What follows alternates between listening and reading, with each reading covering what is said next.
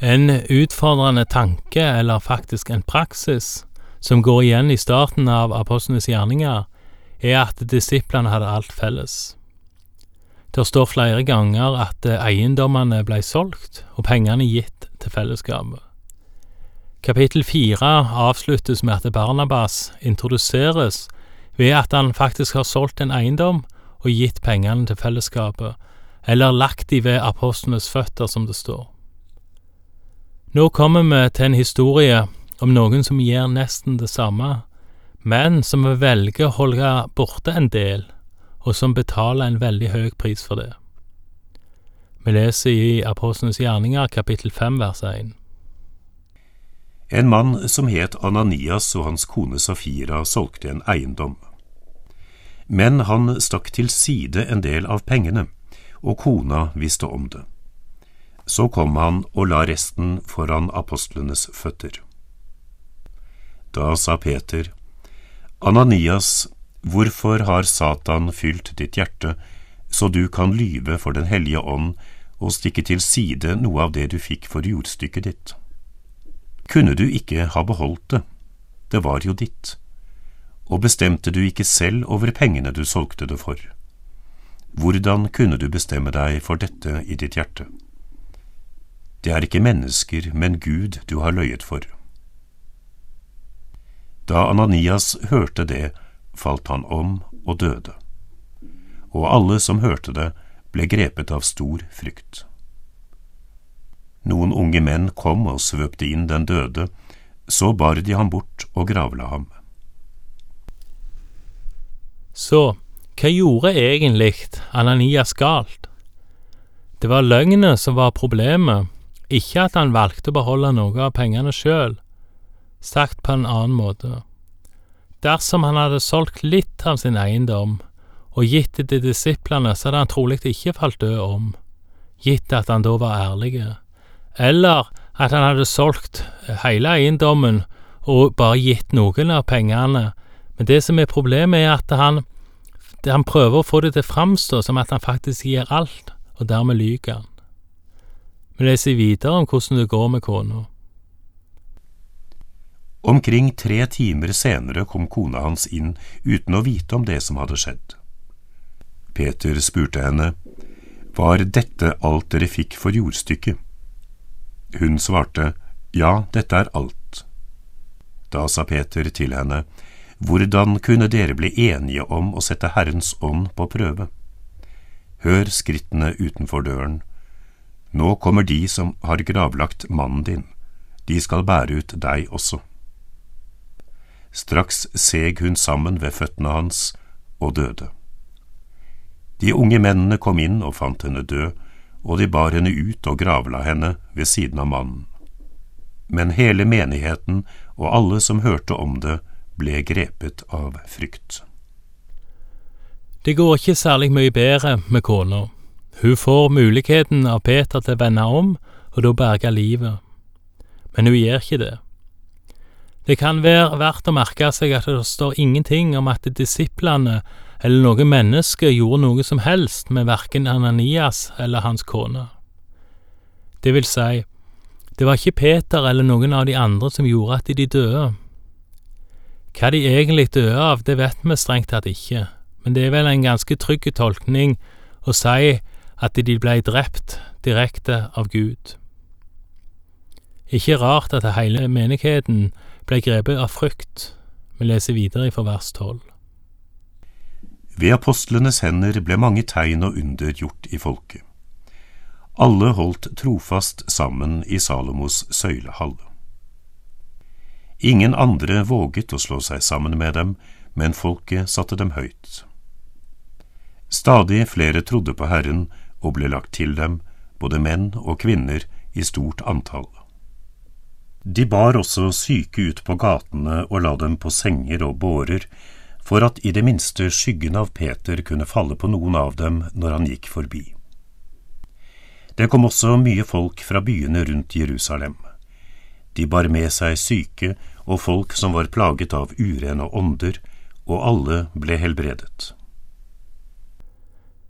Det som skjer rundt disiplene eller apostlene nå, minner om det som skjedde òg før Jesus ble tatt opp til himmelen. Det står om flere og flere som fulgte etter disiplene, og noe en ser i starten av Jesu gjerning. På et tidspunkt er det jo over 5000 mann foruten kvinner og barn i matmangel, nettopp fordi de fulgte etter Jesus. Og i apostlenes gjerninger står det om at helbredelse fulgte som en naturlig del av vekkelsen. En annen naturlig del, om enn negativ, er den harme som apostlene vekte hos religiøse ledere. Vi leser videre fra vers 17.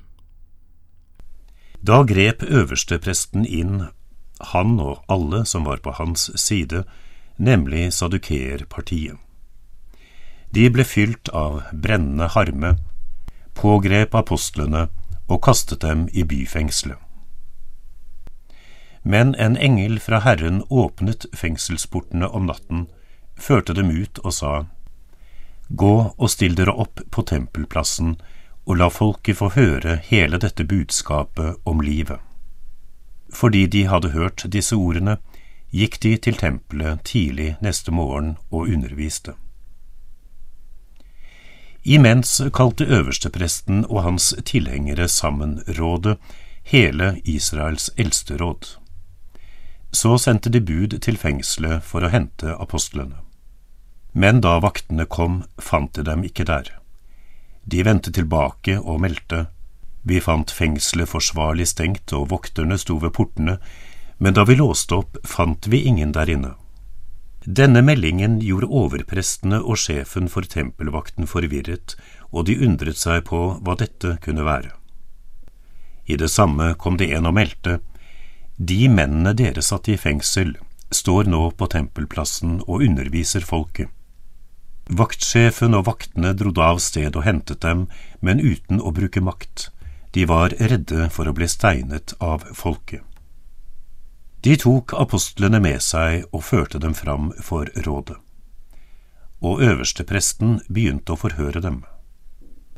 Vi påla dere strengt at dere ikke skulle undervise i dette navnet, og nå har dere spredt læren deres over hele Jerusalem og vil legge skylden for denne mannens blod over på oss. Men Peter og de andre apostlene svarte, En skal lyde Gud mer enn mennesker. Våre fedres Gud reiste opp Jesus, han som dere hengte på et tre og drepte. Ham har Gud opphøyd og satt ved sin høyre hånd som fyrste og frelser, slik at han kan gi Israel omvendelse og tilgivelse for syndene. Vi er vitner om alt dette, vi og Den hellige ånd som Gud har gitt dem som er lydige mot ham. Igjen ser vi at Peter og nå resten av apostlene er ganske uredde. De blir fengsla, men befridd av Den hellige ånd. Og nå blir de tatt igjen og havner igjen i avhør hos Det høye råd. Igjen så ser vi at forkynnelsen er klare, den er radikale og den er utfordrende. Igjen er det veldig provoserende for Det høye råd, og nå er de rasende, skal vi snart lese. Nå leser vi fra vers 33. Da de hørte det, ble de rasende og bestemte seg for å rydde dem av veien. Men da reiste det seg en mann i rådet, fariseeren Gamaliel, en lovlærer som hele folket satte høyt. Gamaliel er kanskje ganske ukjent, men som det framkommer i kapittel 22 vers 3, så var det han som Saulus, og kjent som Paulus, var under opplæring av altså en stor rabbi eller lærer, med andre ord. Han foreslår en annen plan enn å gå i konfrontasjon med Peter og de andre representantene for den nye lærer. Vi leser videre fra slutten av vers 34. Han befalte dem å føre mennene ut en liten stund, og sa, Israelitter, tenk dere godt om før dere gjør noe med disse mennene. For en tid siden sto Tevdas fram. Han ga seg ut for å være noe stort, og omkring 400 mann sluttet seg til ham. Men han ble drept, og alle tilhengerne hans ble spredt og forsvant. Etter ham, Da folketellingen pågikk, kom galileeren Judas.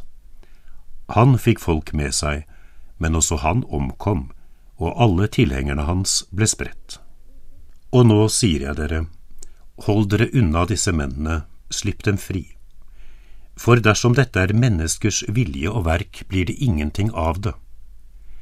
Men er det av Gud, da kan dere ikke stoppe dem. Pass dere, ellers kan det vise seg at dere kjemper mot Gud. De fulgte dette rådet, og kalte apostlene inn igjen. De lot dem piske, forbød dem å tale i Jesu navn og slapp dem fri. De forlot rådet og gledet seg over at de var funnet verdige til å bli vanæret for navnets skyld. Men de lot seg ikke stanse. Både i tempelet og i hjemmene underviste de dag etter dag og forkynte evangeliet om at Jesus er Messias.